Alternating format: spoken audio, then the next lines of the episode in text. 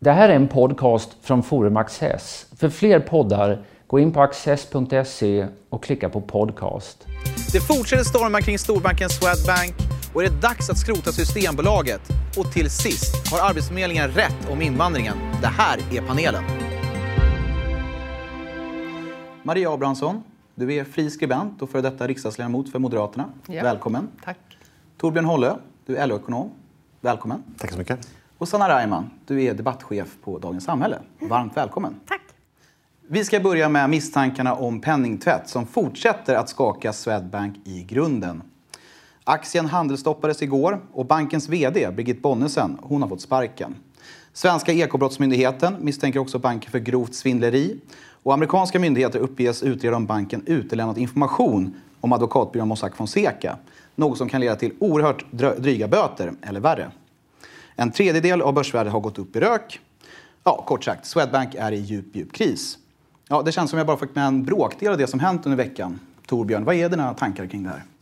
Eh, nej, men jag tror att vad Swedbank behöver göra nu det är att man måste lägga alla kort på borden. Och det tror jag man behöver göra ungefär på samma sätt som Danske Bank gjorde. Man gjorde en större extern utredning där man red gick igenom ungefär tio års tid, tio års verksamhet i Baltikum.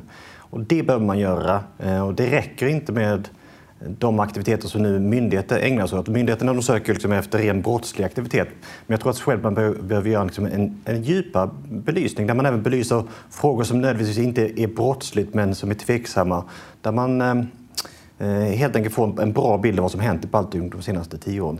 Men så vill jag också addera att, att frågan är större än Swedbank. Alltså frågan handlar om om den svenska finansiella sektorn och vilken typ av miljö som de svenska storbankerna agerar i.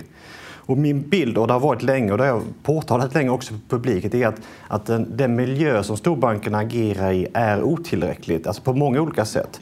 Vi har, vi har liksom haft en medial bevakning som faktiskt har varit alldeles för otillräcklig. Den mediala bevakning som har funnits kring finansiell sektor i Sverige har i väldigt stor utsträckning varit driven av utländsk press. Financial Times, Bloomberg, Reuters. Det är först nu SVT eh, och sedan Dagens Industri hänger på som vi fått en riktigt bra bevakning och nu bara rasslar det in eh, liksom avslöjande. Och det visar hur viktigt det är med en bra medial bevakning. Men så behöver man också en välfungerande finansinspektion. Eh, och de är alldeles för alldeles för mjuka och det finns alldeles för mycket liksom kontakter mellan varandra. Det är, det är slående att Finansinspektionens GD får alltså inte ägna sig åt Swedbank därför att han, han anses jävig. Det, alltså det, det, vi behöver liksom ta in fler personer, kanske folk från andra länder så att vi får liksom en, en annan dynamik kring de svenska bankerna. Och politikerna måste liksom vara mycket, mycket tuffare eh, på olika sätt mot bankerna. Inte bara, det handlar inte om att att man nödvändigtvis måste höja böter och, och stärka regelverket. Det handlar också om att, att man måste liksom ha en tuffare attityd mot dem, kalla till sig dem, eh, utfråga dem i, i, i parlamentet. Eh, Så att bankerna måste liksom ramas in med en mycket, mycket tuffare miljö helt enkelt. Sanna, vad säger du? Är vi för snälla i Sverige? Det är möjligt att vi kan vara det. Ehm, det, är också, om man går tillbaka lite grann och ser så här, det hade ju redan i höstas eh, påtalats att det fanns en betydande risk för att det skulle kunna förekomma ett penningtvätt och så, men man gick liksom inte hela vägen då och riktade skarp kritik på det sättet. Så att det är klart att det, i efterhand så kan man ju känna att det eh, nog kanske hade kunnat eh, tas i med lite hårdare tag redan då. Eh, sen tror jag också, precis som Torbjörn säger, att vi har en för dålig bevakning och så. Det, det verkar ju ganska uppenbart så här. Styrelse- Styrelseordförande Lars Idermark, eh, han har inte läst den här så kallade Grimstad-rapporten eh, som varnade för högriskkunder i Baltikum. Eh, vad tycker du om det? Vilket intryck ger det att styrelseordföranden inte haft tiden att läsa en rapport som varnar om, om missförhållanden? Det känns samtida. Ja, nej, jag vet inte.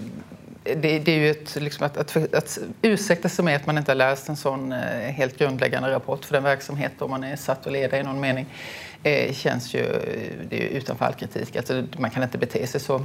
Inte någon annanstans, tror jag. jag vet att Man kan inte säga en sån sak helt enkelt och komma undan med det. Det, det tycker jag inte. Sen kan jag väl bara instämma i vad, vad- vad ni andra har sagt om, om detta med tillsynen och så. Det är klart att media har en jätteviktig funktion här. Men som sagt jag skulle också vilja inskärpa liksom betydelsen av att Finansinspektionen använder sig av den faktiskt ganska rejält tuffa lagstiftning vi har mot penningtvätt. Eh, det är ju faktiskt tillämpningen där som har brustit tycker jag. Va? För vem ska annars granska? Vi har en myndighet som ska granska bankerna och, och det sker inte på ett tillfredsställande sätt. Och varför är det så tror du? Jag vet inte. Jag är inte expert på bankverksamheten och Finansinspektionen men jag, jag noterade att statsministern var ute ganska snabbt och sa att här måste vi ha vassare, skarpa lagstiftning. Men det saken är ju att den finns ju. Den finns. Min spaning är att jag tror att ett, ett problem är Sveriges storlek. Vi är, liksom, vi, vi, är liksom, vi är, för, vi är liksom för stora för att med automatik alltid behöva extern hjälp. Men vi är för små för att ha den här bredden. Klara alltså, det själva. Klara det själva. Så vi är lite av en köckelmöckel. Alla känner varandra. Liksom, det är lite obekvämt att, liksom, att vara tuff mot varandra. Men det är just den här jävighetsrisken och sådär. Det återkommer ju på så otroligt många branscher eller områden i mm. Sverige. Att det är så litet så att man är nästan alltid i risk för att vara jävig på något sätt i sitt lilla fögderi. Eh, och det ställer ju såklart då väldigt mycket större krav också på verksamheter. När det gäller Swedbank så verkar de ju emellanåt inte ha ställt tillräckligt många frågor till exempel mm. när det gäller eh, kunder och liknande som de har godkänt. Ja, styrelsen, Birgit Bonnesen fick ju sparken men styrelsen eh, beviljades ansvarsfrihet och får sitta kvar. Man fick även höjd ersättning. Eh, hur påverkar det här förtroendet för banken? Man har gjort fel men ändå så får de personerna... Ja, negativt såklart. Eh, det framstår, det framstår som för oss utomstående som väldigt udda att eh, vid det här tillfället öka deras ersättningar när man då inte haft eh, den koll som man hade kunnat kräva. Samtidigt som man väl inte helt får liksom, eh, hoppa över att det faktiskt finns ägare som själva självständigt har fattat det här beslutet utifrån den information de har haft och tyckt att det har varit ett klokt beslut. så att säga. Va? Man kan ju inte bara bortse från det och sätta sig över aktieägarna i det här fallet heller. Men, men det är klart att styrelsen kan väl sitta kvar i och med att de sparkade henne. Så att jag menar, det, det, hade de inte gjort, gjort det så hade det väl varit värre, naturligtvis. Kan ni se någonting positivt som kommer ur detta? Eh, till exempel att Sverige kanske antar tuffare lagar mot penningtvätt. Eh, Bill Browder är ju en, en stark förespråkare för en svensk så kallad Magnitsky-lag. Är det en väg, framkomlig väg framåt? Vad tror ni? Jag, om jag, ska säga något positivt, jag tycker det mest positiva är hur, vi, hur affärspressen, svenska affärspress har liksom verkligen gått till attack och börjat gräva ordentligt. Det är framförallt Dagens Industri som har gjort ett fantastiskt jobb men, men även andra affärsmedier som har börjat gräva i detta. Och det, och, och det är så intressant för när man börjar gräva så alla har ju, det menar Dagens, Dagens Nyheter gör sitt avslöjande, så gör Dagens Industri sitt avslöjande. Alltså den här dynamiken som uppstår när journalister börja gräva. Eh, och jag tror att det visar vikten av att där borde man gjort mycket, mycket. Den här typen av bevakning som vi har nu, nu 2019, den borde bankerna haft sedan länge och då hade man kanske uppdagat detta sedan tidigare. När det gäller Magnitskylag så jag har jättesvårt att bedöma om det är bra eller dåligt och, och sådär. Eh, men det är klart att det, om inte annat så kommer kanske den här händelsen att ge oss en lite mer levande debatt kring det där. Så att man kan liksom, jag noterar ju att Margot Wallström inte var något fan av den idén. Mm. Eh, och hon motiverar väl i princip med att när vi har sanktioner från Sveriges sida så har vi det tillsammans med andra länder. Och det är klart att det går att föreställa sig liksom att det är en det är en rimlig inställning. Det är också lättare att eh, få utväxling för en sanktion. Eller för att den, den, funkar ju bättre om man är många som, som inför den förstås. Eh, så att det, det finns ju... Men... Och jag måste väl säga, jag, Magnitskijlagar eh, har ju som liksom huvudpoäng att kunna frysa tillgångar inte bara för de som har begått brott mot de mänskliga fri och rättigheterna utan även mot de som är misstänkta för brott. Och jag tycker inte det är tilltalande att ha en lagstiftning som slår till stenhårt och fryser tillgångar för den som är misstänkt.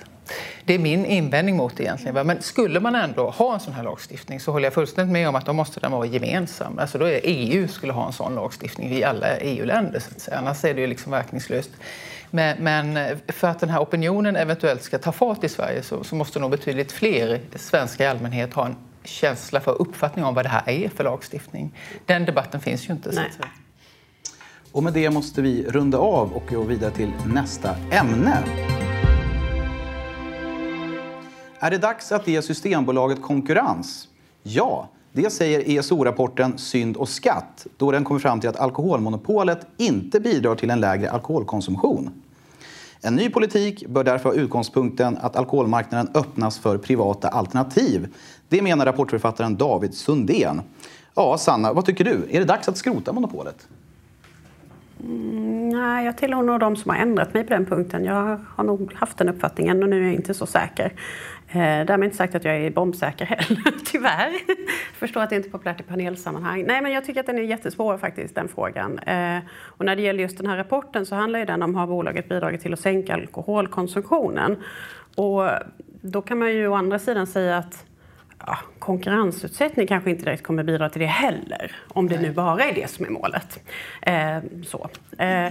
Men sen att labba med andra försäljare inom monopolet på något sätt. Alltså det finns ju tusen tänkbara och sådär. Men, men jag, jag är nog jag börjar, börjar gilla det. Ja, men och det kom ju en förtroendemätning här om veckan, det var väl förra veckan, eh, som visade att svenska folket gillar sitt systembolag. Mm. 78 procent. Vi har stort förtroende för Systembolaget av de tillfrågade. Jag har precis som Sanna eh, varit emot Systembolaget, men sen försökte jag tänka mig in i en situation. Va? Du går och handlar på Konsum eller Ica. Du ska handla middagsmat, du ska köpa någon lite mjölk, en lite juice, potatis. Och sen så kommer du på att det vore gott med lite vin också. Men det blir väldigt tungt att bära. Va? Risken är då att du tar din matkassar, går hem och så tänker du det där vinet, jag går tillbaks till ICA där utbudet är betydligt sämre än på Systembolaget. Då skulle jag välja att gå till Systembolaget och köpa bättre vin än på ICA. Så det får nog bli, det är lite bekvämlighetstänkande där. Va? Men jag tycker den aspekten har man inte vägt in riktigt här. Att, att bara ha eh, tillgång som, som man kanske då kan, när man är utomlands, man tänker wow, här kan jag köpa en vina i den här kiosken och sådär. Va? Men eh, jag är också nöjd med mitt systembolag. Vad säger du Torbjörn? Nej, men jag eh, har läst rapporten lite grann och då, om jag förstår rapporten rätt så, så menar den ju att, eh, att det är priset och information om alkohol, alkoholens skadeverkningar som är egentligen det som biter på konsumtionen och att hur man säljer inte har så stor effekt. Ehm, ja, alltså, men vad jag kan förstå av rapporter så har den, det är bara någon typ av litteraturgenomgång av, genomgång av de senaste, eh, framförallt omregleringen i USA om jag förstår det rätt. Så att, eh, jag är väl lite inne på samma spår som ni. Liksom, if it ain't broke, don't fix it. Alltså jag, alltså liksom, jag ser inte riktigt... Ja, det är möjligt att det inte är den världens mest effektiva verktyg men annars är jag har svårt att se de negativa effekten av det sätt vi har organiserat Men Jag kan till exempel se att jag, jag, tror kanske inte att gårdsförsäljning inom någon form av kontrollerad form skulle vara så farligt till exempel. Där är inte jag eh, så rädd. Eh, men den här typen av, liksom, låt säga att man skulle kunna köpa vin och sprit på Pressbyrån och 7-Eleven dygnet runt och sådär. Det tror inte jag skulle vara någon vidare idé till exempel. Nej, sen är det ju så att då talar vi liksom människors eh, alkoholkonsumtion upp eller ner så är det väl så att Systembolaget är ingen riktigt bra mätare där tycker inte jag av det skälet att väldigt många åker fortfarande utomlands och köper det de tycker att de behöver i form av öl, starksprit och vin och sådär och sen kör de hem det i sin minibuss. Mm. Så att en argumentationslinje är väl då att sänka alkoholskatten så att det blir liksom mer förmånligt att handla på Systembolaget. Det eh, skulle väl kunna vara en sak. Eh, men, men eh, jag tror snarare att det är liksom utbudet av varor som är det intressanta på Systembolaget. Och gårdsförsäljning hade jag också tyckt varit jättebra om det inte vore för att Sverige kan ju inte behålla sitt systemdetaljmonopol om vi inför gårdsförsäljning. Det har vi ju liksom EU-beslut på. Va? Det är ju villkoret att vi inte öppnar upp för gårdsförsäljning. Det går alltid att lirka. Ja, det har inte gått hittills. Men det kan... det, risken är att vi förlorar vårt systembolag då. Va? Så att, eh... Det kan vara vårt villkor för att inte göra en swexit. Ja, ja det kanske funkar. men rapporten riktar också eh, kritik mot Systembolagets egna beräkningar om vad ett slopat alkohol alkoholmonopol skulle innebära.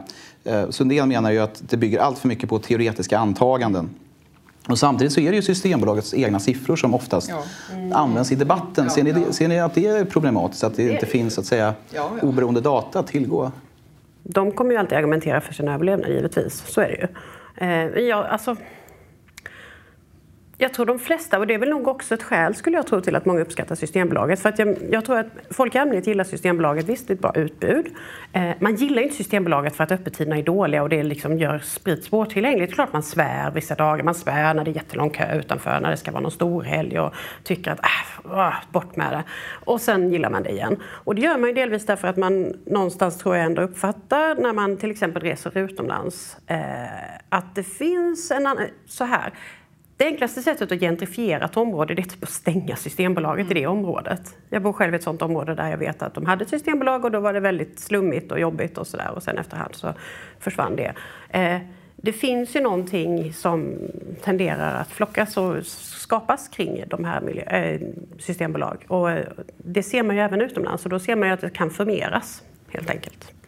En annan sak som jag tänkt på, eh, apropå detta med diskussionen om alkoglass, så har vi då socialministern Strandhäll sagt att nu blir det alkoglass på Systembolaget. Och då kan man tycka att det är löjligt fånigt och sådär. Men å andra sidan, vad fasiken ska man ändå ha den typen av frysboxar och så kan man väl stoppa in lite kylskåp och också ha kall öl. Mm. Man kan liksom på så sätt visa liksom lite mer kundvänlighet. Ja.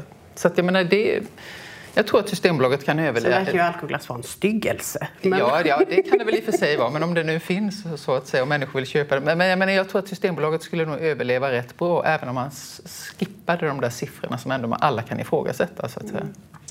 Om vi lyfter blicken lite och pratar om principfrågan. Bör statliga företag ägna sig åt opinionsbildning? Nej. Jo. Torbjörn? Nej, helst, helst inte. Men eh, jag antar att i vissa fall är det närmast oundvikligt. Till exempel när systembolag på något sätt ska försöka hitta... De måste på något sätt hitta beräkningar. Sen, sen är det viktigt att, de, att det finns någon typ av vetenskaplig liksom, eh, kontroll av dessa. Men eh, i det här fallet tror jag det är oundvikligt att, att de måste på något sätt kunna visa hur, det, hur de jobbar för att uppnå det här målet som de har ändå. Exakt, det är det jag menar. Att det är klart att ren ideologisk opinionsbildning i någon mening ska man ju inte ägna sig åt. Problemet är väl snarast att det inrättas myndigheter med den typen av uppdrag. Eh, men det är klart att information och att dra i en broms och larma när någonting går i fel riktning på liksom ens fögderi och sådär. Eh, det är ju också en form av opinionsbildning och det måste man ju ägna sig åt. Eh, så viss opinionsbildning ja, men inte... Men inte, alltså, Hanna, inte sakupplysning och informationsblad, det är ju, tycker inte jag, opinionsbildning utbildning utan det är ju när man talar om hur man ska leva. Och det är klart att Systembolaget har då ett mål att man, människor ska dricka mindre. Mm. Ändå är man jätteglad om man säljer jättemycket. Va? Jo, och det, det, det, blir ju lite konfliktfyllt. Men, men, men eh, ja, man kan, ju, man kan ju tycka att eh, Folkhälsomyndigheten, den är ju i någon mening, hela, ja, hela ju... syftet är ju att den är opinionsbildande. Ja, ja, men viss typ av sån information är ju, är ju både och. Den är ju ett pekpinneri, men det är ju sant att man får cancer av rökning.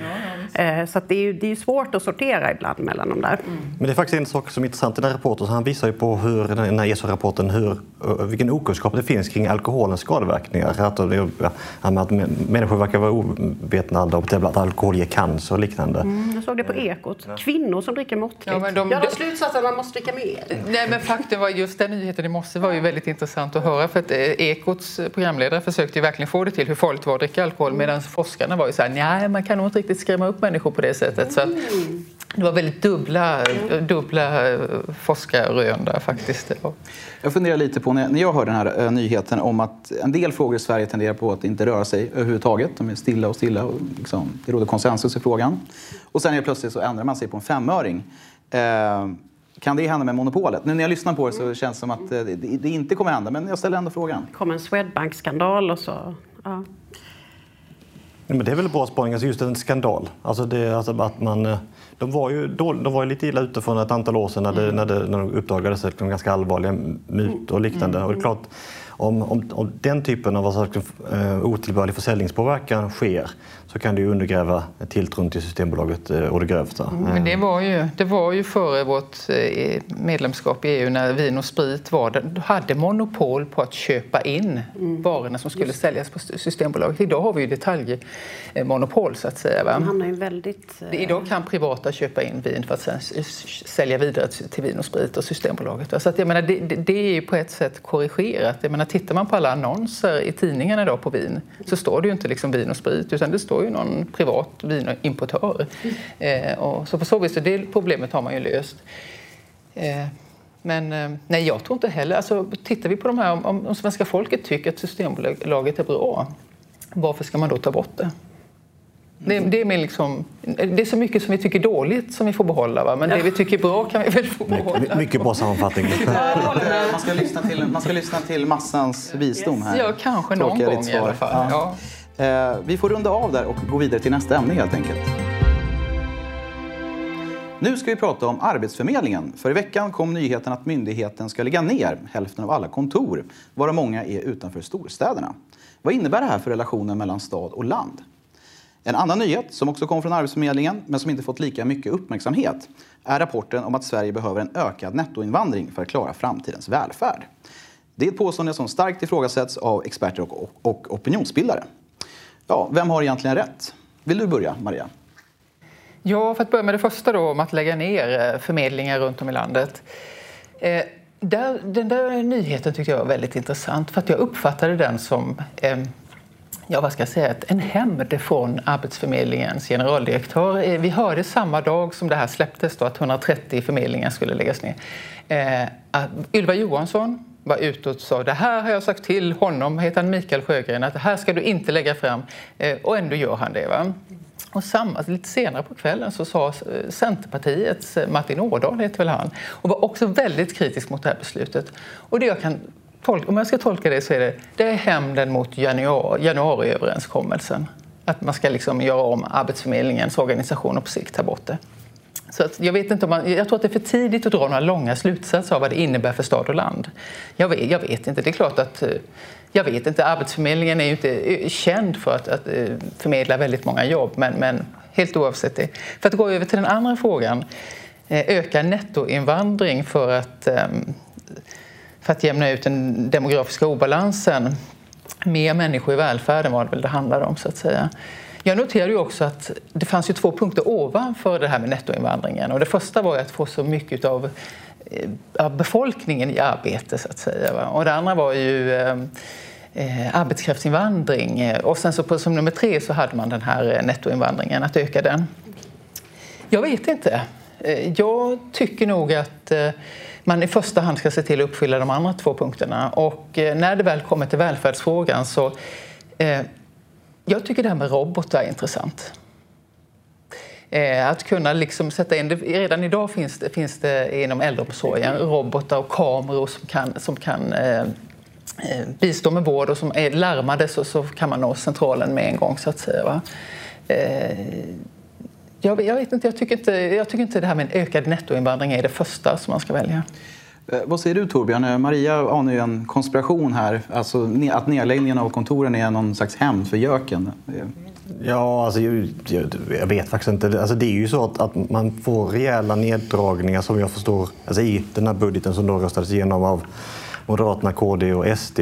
Eh, och vad jag förstår så vill de nuvarande fyra samarbetspartierna inte liksom lägga tillbaka pengarna. Och samtidigt finns det väldigt tydliga skrivningar i göken om, eh, om att Arbetsförmedlingen totalt ska liksom förändras. Mm. Så att, ja, det är möjligt att, att, han, att han drar i lite extra men, men att det är den riktningen som gäller, det, det tror jag, eh, så är det ju.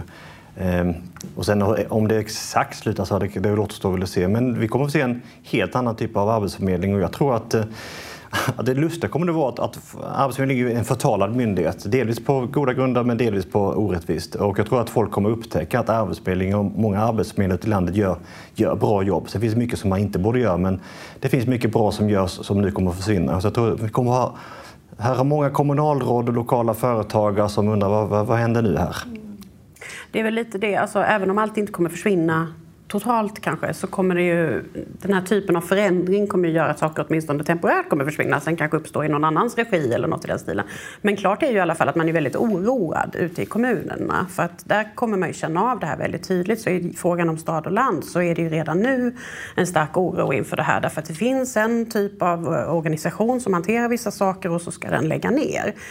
Och utöver eh, den rena verksamheten. För det är klart att, eh, nej, rent för, jobbförmedlandet är det ju si och så med, men det finns ju en massa annan sysselsättning som pågår som eh, kan kritiseras, men, men jag tror ändå att man på, på gott och ont så att säga, eh, uppskattar den i kommunerna. Ehm, Eh, men det handlar ju också om en mer psykologisk eh, sak, det här när staten lägger ner och drar sig tillbaka. Och där finns det ju redan en ganska upparbetat missnöje ute i många krokar i, i landet. Sådär. Eh, sen när det gäller den här frågan om, om invandringen så är det just det här att när de när, när Arbetsförmedlingen diskuterar nettoinvandringen och pratar om att nu måste vi komma bort från eh, eh, känsloladdad och affekterad debatt och så vidare, då är det ju flyktinginvandring man pratar om. Och där ser vi ju inte att den har någon någon gynnsam effekt när det gäller sysselsättningen. Och heller inte att den kan ha det på... Alltså, sikten är lång där. Så på det sättet så är det ganska knepigt att som arbetsförmedling föra upp det här som är något viktigt eh, mål eller redskap just nu. För där har vi en levande debatt om att vi behöver enkla jobb till exempel. Samtidigt så är de enkla jobb som under de senaste decennierna har kommit till har ju ofta handlat om att vi inför ett eh, RUT och ROT-avdrag.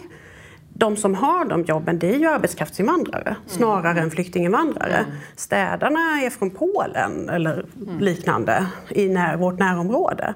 Eh, så att det, det, finns ju en, eh, en, en ganska stor fråga det här som är på många, på många ledder. Eh, och, och när det gäller flyktinginvandring, ökad nettoinvandring så är det något som i vissa avseenden drabbar kommuner snarare än hjälper dem. Och så tar man samtidigt bort en arbetsförmedling. Mm. Så det, det, är inte... Nej, och sen så tycker jag att det ligger inte, en, inte så lite fördomsfullhet att, liksom, att just nettoinvandringen, där finns de människorna som, som platsar inom välfärden. Vad vet vi om det?